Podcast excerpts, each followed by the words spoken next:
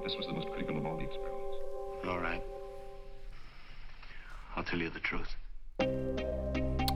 Hej och välkomna tillbaka. Nu är det dags för att ha podd igen.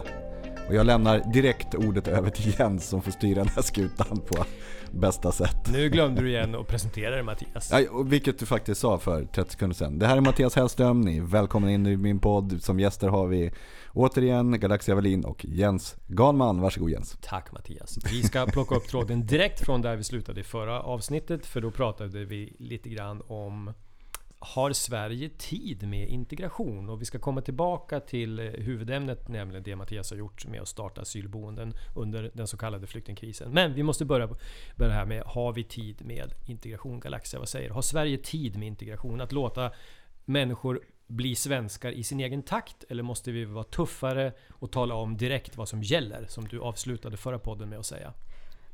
Eh, jag kan säga så här, att man kan aldrig tvinga en person att bli integrerad. Och dessutom, det är någonting som man själv upplever. Men Sverige som stat måste från början vara tydlig, mer tydlig med att berätta om alla som kommer in, vilka rättigheter och skyldigheter vi har här i Sverige.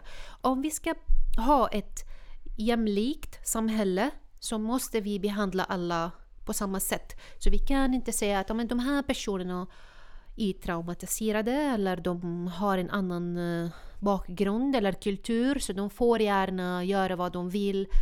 Och sen skapar vi nya lagar och, re- och regler för dem.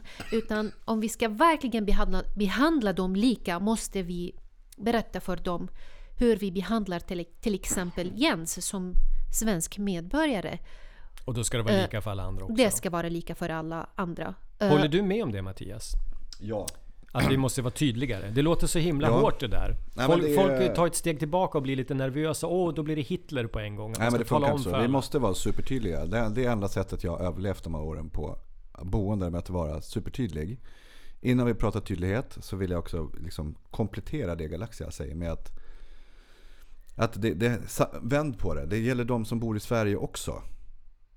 Vi måste inte vilja integrera de som har kommit hit dag ett heller. Vi måste också få en chans att vara delaktiga. Vi kan inte bli påtvingad att vara en del i civilsamhällets integration av nyanlända. Du menar att vanliga svenskar, pensionärer och andra kan inte tvingas att delta Nej, i ex- det exakt. arbetet? Vi kan inte skuldbelägga folk för att man inte vill vara en aktiv del i, i, i att eh, liksom integrera här. För, Man måste, få göra, man måste få göra det i sin egen takt, på sina egna villkor. Allting som blir tvingande blir fel. Mm. Eh, Även för att man på andra hållet kanske måste ställa högre krav att man måste bemöta det nya landet eh, och integreras på ett visst sätt så, så kan vi inte kräva av svenska befolkningen att man börjar med att tokintegrera alla dag ett. För det är inte säkert att man vill eller orkar. Man, man behöver tid, som vi pratade om förra gången. Och, och kanske ta lite små steg för att det ska bli bra på sikt. Jag ska, jag ska vara lite Helikopterperspektiv, självkritisk där och säga så här att jag brukar försöka ge folk dåligt samvete och säga så här. Jaha okej, du vill ha hög invandring och sådär. Men då får du hjälpa till själv med integrationen. Bjud hem folk då. Låt dem bo hos dig. Är det för hårt av mig att säga så till folk? Nej. Okej. Därför att uppenbart så är det ju för att någon proklamerat för hög invandring och då är konsekvensen av det att man bör vara mer aktiv. Ja. Men det finns ju jättemånga människor ute i landet som inte är en aktiv del i det här. Som bor ute i småbygderna någonstans och som har vaknat upp en morgon när jag kom dit med 290 asylsökande i deras fina bygdehotell och de var 200 på orten. Och vad, du, har, du har sett det här på nära håll vad det kan utlösa för reaktioner, eller Ja, men hur? det är klart att det utlöser reaktioner. Det är ju en eh, påtvingad situation. Det är ingenting som de väljer. Men liksom- då måste jag kort fråga dig, för det här har du pratat förut med mig om. Just det där du beskriver nu. Du kommer brakande in i en liten svensk by och så från en dag till en annan så öppnas ett asylboende där det bor flera hundra människor. Ja, Och då, så som jag förstått dig, så lokalmedia på varje given liten ort. De var väldigt nervösa hur de skulle hantera det här och såg ofta som sin uppgift att lyfta upp det här asylboendet som en, enbart en tillgång för bygden. Ja, det var väl inte bara dem. Utan jag själv hade ett eget manus för att, att Du visste vad som funkade? Ja, absolut. Det är klart att, att om jag kommer någonstans och ska säga att nu, igår kom de, i natt kom de. Liksom, eller att de kommer kommande natt. hit. Då måste jag säga, men det, det löser sig i början så, eh, så eh, kan man uppleva det här lite jobbigt. Men det löser sig över tid och, och negativa upplevelser vänder till positiva bara man får låta det här lugna sig lite grann. Och så. Alltså det handlar om information och bara ge något lugnande. Så man får, då får man bra artiklar och så börjar folk söka jobb, på, man får personal. Och då så här bäddar man in allting i någon sån här fluffig...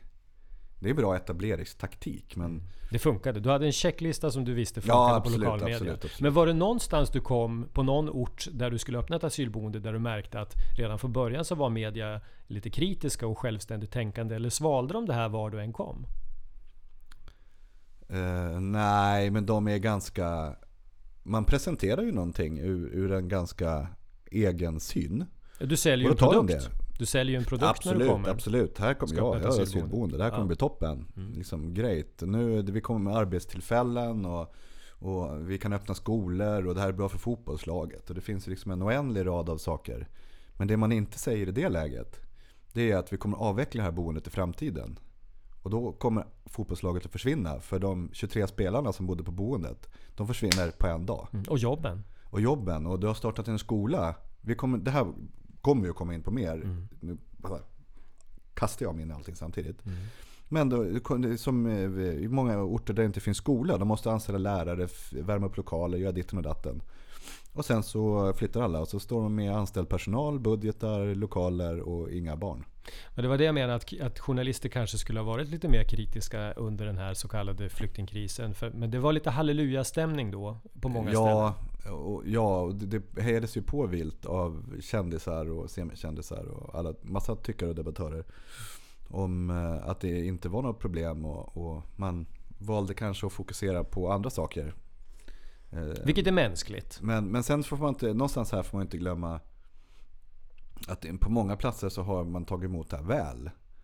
Eh, På vissa platser har man ryckt på axlarna och, och det är faktiskt så att i medparten av de här ställena så har det gått bra.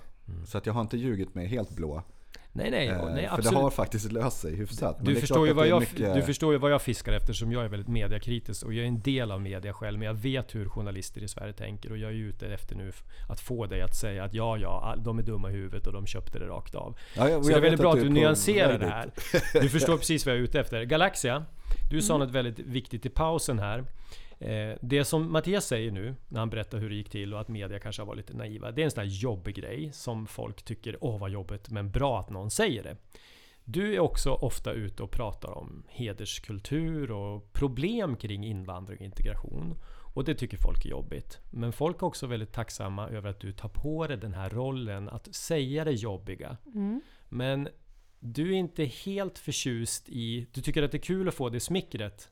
Men du tycker att alla borde göra sitt jobb och säga de här jobbiga sakerna. Varför? Det handlar om något större. Ja, för att det helt enkelt handlar om yttrandefrihet. Så när jag berättar och föreläser om hedersproblematiken, hur skulle vi eh, hantera det, hur skulle vi bemöta invandrarna, hur ska vi Ehm, göra för att förbättra integration. Precis som du sa kommer folk till mig efter varje föreläsning, ställa massa frågor, krama mig och tacka mig för att ah, men det var exakt precis vad jag tänkte säga eller jag tänkte på. Men det kan jag inte säga. Varför det? Ja, men för att jag är svensk. Men du har invandrarbakgrund så du kan säga de här sakerna. Och jag bara funderar, men varför kan du inte säga och trycka dina åsikter och säga vad du tycker om du är svensk? Vad händer då? Eh, jag vet inte. Och ibland jag ställer fråg frågan och de säger ja ah, men du vet det är känsligt för att det kan uppfattas att jag är främlingsfientlig eller rasist och det är jag inte. Ja men exakt för att om du vet att du inte är rasist och du ville bara ställa fråga eller du uh, uttrycka din ilska eller din åsik åsikt så gör det bara. Tänk inte så jättemånga. Jag brukar berätta eh, i mina föreläsningar om eh, min största kulturkrock i Sverige. Åh, vad var det för något? Det handlar faktiskt om yttrandefrihet. Eh, I Syrien, nästan alla syrier, jag vet inte nu, Mattias tittar på mig om han har en annan åsikt eller inte. De, flas, de flesta personerna som kommer från Syrien har en åsikt kring allt. Man måste säga vad man tycker. Hela tiden. Hela tiden. Hela tiden. Ja, Alltså det här är ett kulturellt fenomen som Ja, du känner ja. igen Och Mattias det- från asylboendena. Det, det, jag, jag, jag tycker det är jättekul. Det är lika jobbigt Ja. som det är roligt. Men, Okej. Det är på ja. gott och ont. Ja. Men man tycker, ja, om du skulle fråga min mormor som kan inte ens skriva sitt namn. Vad tycker hon om rymden? Har hon absolut massa En- en åsikt, åsikter och okej. svar. Och de är inte bara att jag tror, utan hon tycker så här. Men i Sverige som har yttrandefrihet få, bara få uttrycka sina åsikter och yttra sig. Och det är mitt största kulturkrock. För att här, vi måste värna om, om yttrandefrihet Varje dag. varje dag. Och det är det, det viktigaste. Det är det som för mig skulle utmärka Sverige än, än Syrien. Eh, annars, vi- jag känner ibland att de är lika. För att folk är väldigt rädda. Där vi var rädda från Baaspartiet. Eh, om vi skulle uttrycka, uttrycka oss. Där till exempel skrev jag som journalist under ett pseudonym. För att regimen gillade inte så mycket det jag skrev. Och det ställde problem till mig. Alltså al-Assad-regimen. Ja, exakt. Eh, men i alla fall bland folk, eh, bland oss, så vi brukade ha åsikter och uttrycka, uttrycka dem. Men eh, där förstår jag att folk kan inte till exempel uttrycka sina åsikter framför eh, regimen eller i offentligheten. Men här, jag antar att vi inte har liknande Men, men är det inte regim, bättre... men ändå vi uttrycker inte det- våra åsikter. Det Vi är är inte väldigt regimen rädda. här utan det är En tyst regim. samhället och någon typ av... Du kommer att sätta, sätta ord på det jag fiskar efter nu, det vet jag. jag Nej men det, det jag tror... Men det är att det finns ett samhällsdiskussionsklimat som hämmar eh, på ett annat sätt. ett socialt tryck. Ja, Ja. för här är ju faktiskt, jag tycker att, eh, låt mig göra en ny klumpning och säga araber. Oj, det får man inte säga. Ja. Oj, det är rasistiskt. Så, för att säga att då, men då är man inte bara från Syrien, då, är man, då tycker jag ändå att vi klumpar ihop lite fler från, ja, Ja. Hela Mellanöstern. men typ. Och man älskar att prata jämt. Mm. Man ska argumentera, man ska argumentera, man vevar med armarna och Det ser värre ut än vad det är. Ja absolut, absolut. Det finns ju någon typ av handtecken för allting. Du behöver ju Det, det tar ju en, ett litet tag innan man förstår liksom, att man måste läsa kroppsspråk och, och lyssna samtidigt. För annars blir det så här haveri. Då man, hälften vevar man med armarna och hälften eh, säger man. Och så bygger man kontext där. Och sen är ju eh, amerikaner är också liknande där. För de har ju en stark åsikt. Deras åsikt är rätt. Fram till att man är motbevisad, vilket de anser sig aldrig bli. Och det, är lite sam, det kan vara samma sak här, att man, man kör så hårt på sin sak. Men det betyder inte att man inte kan ändra sig. Jag har haft miljoner diskussioner hela nätter igenom med, med, med mm, låt oss säga araber då, eh, På asylboenden? på eller? Där Ja, främst. Ja. Där, där vi har diskussioner och det, det kan vara blandat med det kan vara palestinier som sitter och uttrycker sitt och det är inte palestinier som uttrycker sitt. Men sitter gärna och diskuterar och dricker oändligt, eh, oändliga mängder te. Alla har starka åsikter. Det är väldigt sällan någon har bytt åsikt när man är klar. Men alla har alltid haft, eh, fått ut någonting av diskussionerna. Det är en annan... Eh, eh Diskussionen i sig är syftet, inte vart, vad man tycker när man börjar och slutar. Och det blir Så intressant. det är en annan... det- eh, det- eh, man, an- diskussionen används på ett annat sätt. Ja, och det krockar ju med den här svenska konsensuskulturen där vi är vana vid att alla ska tycka Och likadant. fakta och studier. Ja, och vi visst i så och. Och så säger man så här, vad tycker du? Jag vet inte, vad tycker du? Säger man i Sverige. Och så vill man höra vad den andra tycker så man kan jämka sin åsikt så att man tycker lika. Så det är klart att det blir en clash när det kommer människor från andra kulturer som är vana vid att man har diskussion för sakens skull. Och i Sverige är vi så här målinriktade. Vi ska komma någonstans med den här diskussionen och liksom helst bli överens när vi är klara. Men nu, det här blir lite som det heter på latin, in medias res. Det vet ni vad det betyder va? När man börjar mitt i handlingen.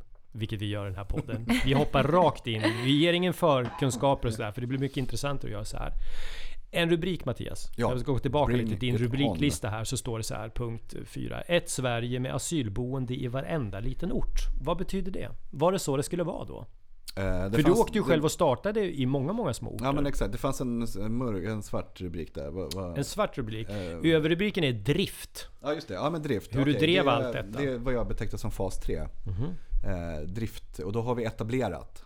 Eh, Du har redan. etablerat? Ja, då har jag etablerat asyl. För, för vi ska påpeka det för lyssnarna. Du åkte själv runt personligen i en bil och startade boenden typ under en period en gång i veckan eller två gånger i veckan. Med Ja, allt praktiskt ja, vad det innebar. Skaffa lokal, skaffa personal, se till Ja, att elen var på. Vi smällde ju på boenden från vi fick etableringsorden fredag eftermiddag vid sexrycket och så kom bussarna på lördag morgon vid halv sju. Och det var Migrationsverket som var uppdragsgivare åt ditt företag då, som du jobbar för. Exakt. Men varför var upplevde du att det fanns... Var det den här totala paniken hela tiden alltså? Nej, den, den kom faktiskt i, i, ehm, den kom i perioder. 2014, 2013 då kom upphandling 2. Eller var 2012 till och med. Det var en ramavtalsupphandling och den började lägga en bas för asylboenden. Sen var den överklagad och sen så började man med direktupphandlingar. Eh, och de här upphandlades efterhand och efter behov. Eh, och det var 2014 så var det på hösten ett högre behov. Och då öppnades massa anläggningar. Men det sjönk faktiskt på våren 2015. Så då trodde vi att eh, det var nedläggning. En ganska dyster syn på Att affärsverksamheten. ni hade kommit in i en nedläggningsfas då? Ja, att vi började förbereda för, för att avveckla. Liksom. Så. Mm. Eh, och sommaren var ju jättelåga siffror vill jag minnas. Sen hände ju saker i Turkiet och det hände ju saker i, i ehm, Syrien, Syrien. inte minst. Och det öppnades upp liksom nya rutter och då Det var ju då den här eh, mediapanikartade 2015-vågen kom. Så att det var lite upp och ner. Och sen pågick den inte så länge. Eh, utan det var väldigt etablering, man behövde verkligen få in folk snabbt och det var optionsplatser och det var man staplar folk på hög liksom så. Förtätningar och så. Men sen eh, efter det så var det mer drift. Mm. Och då var allting redan etablerat och man började stänga gränser och man kom ikapp sig själv lite grann. Eh, Och då, då eh, var det lugnare. Och sen har det liksom lugnat ner sig därifrån. Och där, i den fasen då fanns det i princip ett, ett HVB-hem eller ett asylboende i- i varenda liten eh, Ja. håla i Sverige. Och sen, eh, jag, jag var, jobbade med ABT. Som alltså eh, tillfälliga asylboenden för vuxna människor. Sen så har vi hela den här HVB-härvan. Som vi eh, kommer till som alldeles vi strax. kommer att komma till Ja. sen. Mm. Och sen har man ju också EBO, de som faktiskt aldrig kom till ett, ett eh, asylboende. eh, Utan bodde hos släktingar så någon annanstans, alltså e- alltså e- eget boende. Och sen hade ju Migrationsverket, de driftade egna anläggningar. Bra eller dåligt. Mm. Så, så det, var, det, var, det finns olika typer av anläggningskonstellationer också. Eh, Du, du kan de flesta på dina handens ena fem fingrar. Galaxia, har du, trots att du då kom som, kan vi kalla kärleksinvandrare till Sverige, det är lite slarvigt. Har du varit på asylboenden och hälsat på och sett svenska asylboenden, hur de funkar? Ehm, Ja, det har jag gjort. Dessutom hade jag, eller har jag träffat jättemånga eh, asylsökande. Vad tyckte du om de här asylboendena? Var det som du hade föreställt dig innan du kom dit? Eh, alltså de, de var lite, lite annorlunda. Ibland man kommer till, till en familj som bor på en lägenhet. eh, precis som min lägenhet, så det är inga konstigheter. Och ibland man kommer till, jag vet inte vad heter de exakt, eh, är det asylförläggning eller anläggning Ja. eller... Men, ABT. Ja, men det finns andra där folk bor tillsammans. Eh, ibland folk som delar ett rum eller en lägenhet med andra. Och där alla var sura på, på alla. Och inte Ja. nöjda att de var tillsammans. Eh, men det var hyfsat bra för att jag har också koll på eh, var eh, de här människorna bor. eh, utanför Sverige, om jag ska prata om eh, flyktinganläggningar i Jordanien eller Turkiet där folk bor i tält till exempel. Stor skillnad mot Sverige. Exakt, det är stor skillnad. Eh, Så här är det mycket bättre i alla fall om jag ska jämföra det. Men de flesta har jag träffat, de bor i, lägen, i en lägenhet. Ehm, Men jag träffar många som... Jag besöker inte dem hemma eftersom jag är också personalvetare och jobbar som ehm, coach, eh, yrkescoach mot Okej. ehm, utländska akademiker. Så jag träffar de här personerna ofta och jag försöker slussa dem eh, i arbetsmarknaden. Eh, Så vi träffas inte så ofta hemma hos dem. Jag vet inte hur de, hur de har det. Eh, En sak som slår mig Mattias, jag har varit på massa olika asylboenden, att det har varit väldigt stor eh, standard på till exempel att besöka, det fanns ett ställe som heter Värmlandia i, i Ekshärad Japp. jämfört med Åre Continental uppe i Jämtland. Alltså enorm skillnad på lokaler och standard. Och jag förstod efter ett tag att Givetvis pratar de här människorna med varandra som bor på olika boenden i Sverige och så jämför de. Jaha, ni Ja, är där! Oj, ja. Och varför bor ni på en herrgård? För vi bor på typ en gymnastiksal, i en gymnastiksal och sånt. Och blykoll. Ja, de har det. Ja, och, det vart konflikter på grund av det här att man upplevde att det var odemokratiskt att olika sorters flyktingar eh, behandlades på olika sätt. Men det var ju inte någon uttalad tanke från staten att göra det orättvist, eller hur? Nej, alltså det handlade om att man behövde eh, tak över huvudet. Och sen så inom ramen för upphandlingsreglerna så, så eh, godkänd brand, godkänd ditt, godkänd datten. Eh, så kunde man öppna boenden. Men det är klart att eh, många gamla så här hotell som var på konkursens brant vart asylboenden. Jag kan, jag kan inte bo på ett gammalt, ett äldre hotell idag. För så fort jag går in så får jag så här asylboendeångest. Det är så här tekniskt omöjligt. Det bara sitter i heltäckningsmattorna och bara, jag känner lukten i, i virket i korridorerna. Ehm, så att det blir inga sådana mer för mig. Sen är Värmlandia är kul att nämna för det var en av, av de anläggningar som jag hade i, mitt, i min region. Och det, den var okej. En gammal... eh, På, på 70-talet var det en fin spaanläggning. Ja, ja, med alltså stor den- eh, swimmingpool som var torrlagd när flyktingarna kom dit. Så det- var en stor simhall med en torr bassäng där. Ja, vi vill helst inte att någon drunknade där. Så det, och man får inte ha sånt öppet heller. Så det, det betrakta som en, inte en superny anläggning men som en driftsmässigt bra anläggning. Mm. Sen har vi andra haft anläggningar som varit eh, liksom, ur de boendes synvinkel betydligt sämre. Jag var på ett sånt uppe i Jämtland i Ragund, i Bispgården. Mm. eh, Som var faktiskt bland det värsta jag varit på. Där var det riktigt låg standard. För det hade varit ett gammalt ålderdomshem tror jag. Jag minns inte Det vad det fanns hette. två där uppe. Ett var vårt Ja, och det andra var inte vårt. okej. Eh, Jag, kom, jag är osäker på vad det var där. Alltså det jag var på, det var, det, det var tragik när man gick runt i källaren och tvättstugan och gemensamma utrymmen. Det var riktigt, riktigt Eh, sunkigt. låg den på en... Eh, Kulle eller? En nej, alltså en stor plan och så var det en byggnad i mitten med en vinkel. ja, några plan. Jag tror att det var det. Jag vet inte om det var ditt, för det fanns ju flera aktörer. Ja, det som- fanns ett som var riktigt rackigt där uppe. Ja. Vårat var inte, det var inte vårt bästa boende. Nej, Det var mer att beteckna som eh, det uppfyllde upphandlingsreglerna. ja. Minimikraven. Ja, De jag absoluta minimikraven. kan inte säga att den anläggningen var liksom toppklass. Men det var, den höll värmen. Mm. Eh, Det var städat helt och rent. Liksom, det var inget... eh, Det fanns inget att klaga på i den synvinkeln. Den var hyfsat bra driftad. Liksom. Men, men är jag orättvis när jag säger så här att under den här perioden vi pratar om nu, flyktingkrisen, så var det lite, eftersom staten då var helt beroende av privata aktörer, att de gick in och löste det här bostadsbristen åt flyktingarna. Så var det ett litet Klondike. Det blev en guldrush kring den här Absolut. verksamheten. Absolut. Det var så. Ja, det var det. Ehm, Men man måste vara väldigt tajmad för att få det rätt där. Kan jag nog säga. Eh, Det är många aktörer som också har liksom klivit in för sent och gått i konkurs. Och trodde att de skulle bli miljonärer. Ja, man har renoverat för mycket pengar så man har inte fått en avtal. Man var helt feltajmad. Mm. Och så kan man inte upphandlingar och sådär. Okej. Ja, skitsamma. Men Ja. det, är, det är väldigt, bredden av asylboenden är allt från, eh, vi driftade Cape East som är gigantiska spaanläggningar uppe i Haparanda. Som är att beteckna som ett eh, superfräscht boende. Alltså verkligen super nice. Mm. Eh, Och sen så har vi ju, Bispgården var inte det, det bästa. Just det. Och sen är det, jag vet att du vill ta det här vidare men sen beror det också på vem som kommer. Eh, Det är ju inte så roligt om man kommer från Syrien som exempel. Och sen så är man mitt ute i skogen någonstans. Därför att, eller vi kan ta en eritrean till exempel som kommer till ett ställe ute i skogen. Allt dödar i Eritrea. Det som lever i Allt skogen. dödar. De är vana vid det. ormar, Ja. större djur, mindre djur. Allt typ dödar. Mm. Så så fort du går ut in i skogen du är död. Typ. Och det, då vågar ju inte de. De är rädda för skogen. Medan vi går ut och plockar svamp och det är så trevligt. Det finns en ekorre och det finns en så här skrupplig älg någonstans. Det är jättetrevligt. Men det är inte riktigt samma eh, uppfattning om man kommer från Eritrea eller någonstans där allt dödar. Och Är det så i Syrien Galaxia? Är skogen farlig i Syrien? Eh, jag vet inte, men jag kan säga att när jag flyttade själv till Sverige var det lite eh, Var du rädd för skogen? Ja, ja. Var du det på riktigt? Ja, på riktigt. Varför? Eh, jag vet inte varför jag förställde mig hela tiden att det finns en som har överfallit en kvinna som ligger död någonstans.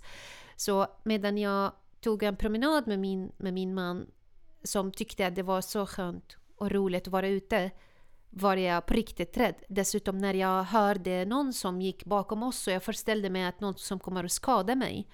Ehm, jag var inte så mycket ute i skogen i Syrien. Och jag kanske har blivit påverkad av de flesta mm, eh, syriska tv-serier eh, som jag har sett där skogen kopplade till eh, mord eller till eh, någonting hemskt som händer i skogen. Men du är uppvuxen i Damaskus? Eller I hur? Damaskus, I en ja, storstad. Men det här kan man ju skratta lite åt och tycka att ja men vad fånigt, det fattar väl alla att skogen inte är farlig. Men jag har också stött på det här, jag känner en kvinna som gifte sig med en afrikansk man. Och, och hon var precis som du beskriver nu eh, Mattias, att hon ville ju gå ut i skogen och plocka svamp. Och han var så här, aldrig, där bor det onda andar.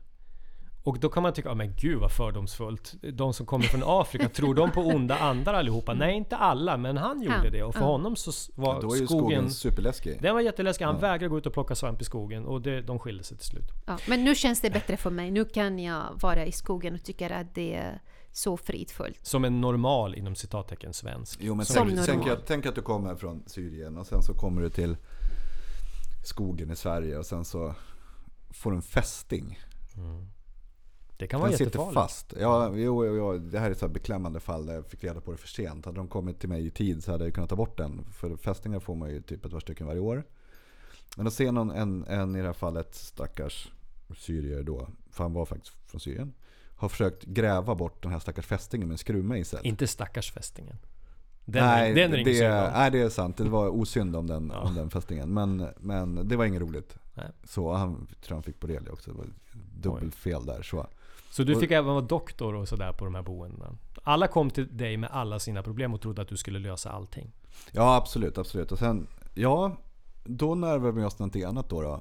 Ehm, och det är också att om vi blir lite sjuka i Sverige så kanske vi inte alltid går till läkare och så. Utan man självmedicinerar lite grann.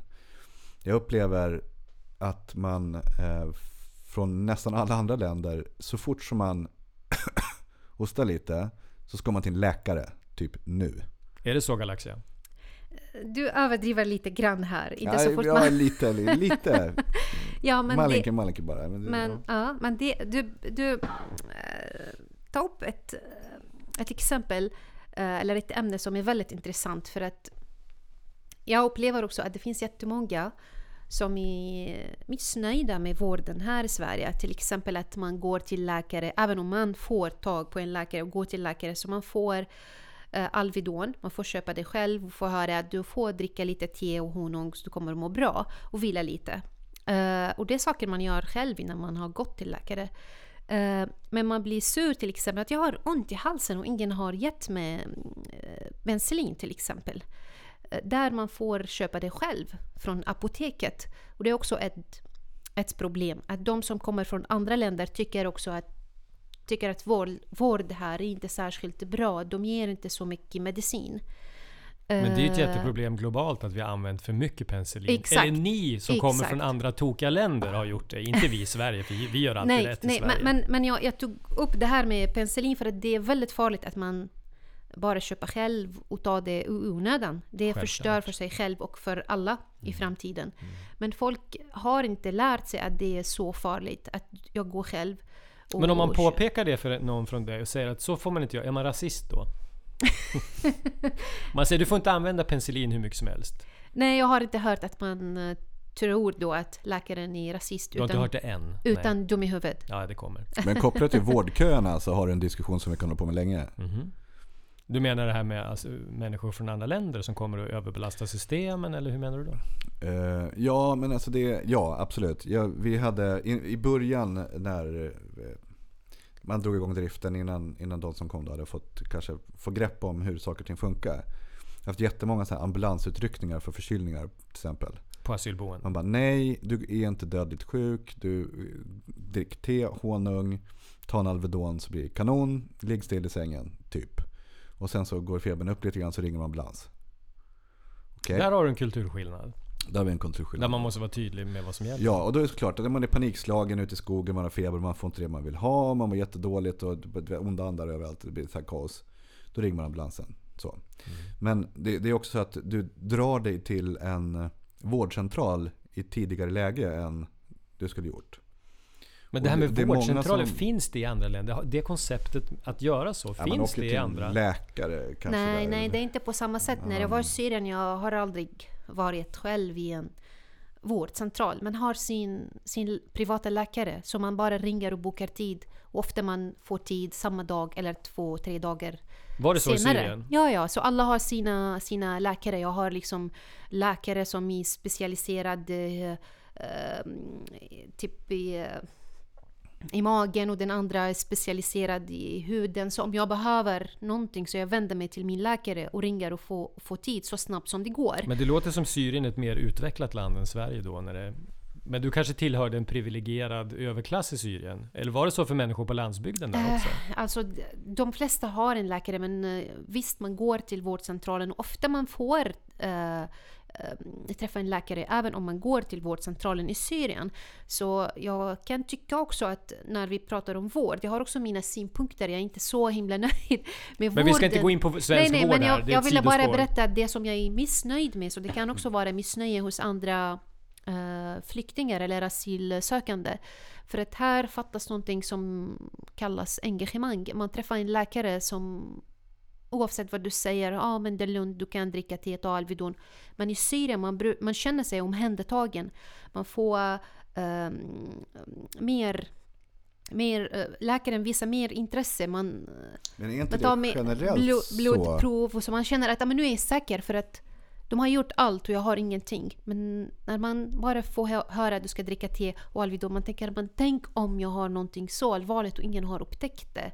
Så ibland jag känner att Sverige är väldigt duktig på eh, patienter i slutskede om man ska typ operera sig eller Mm. men om man har bara lite ont eller problem så antingen man skickas till psykiatrin för att då säger de att du är kanske deprimerad eller har några psykiska problem.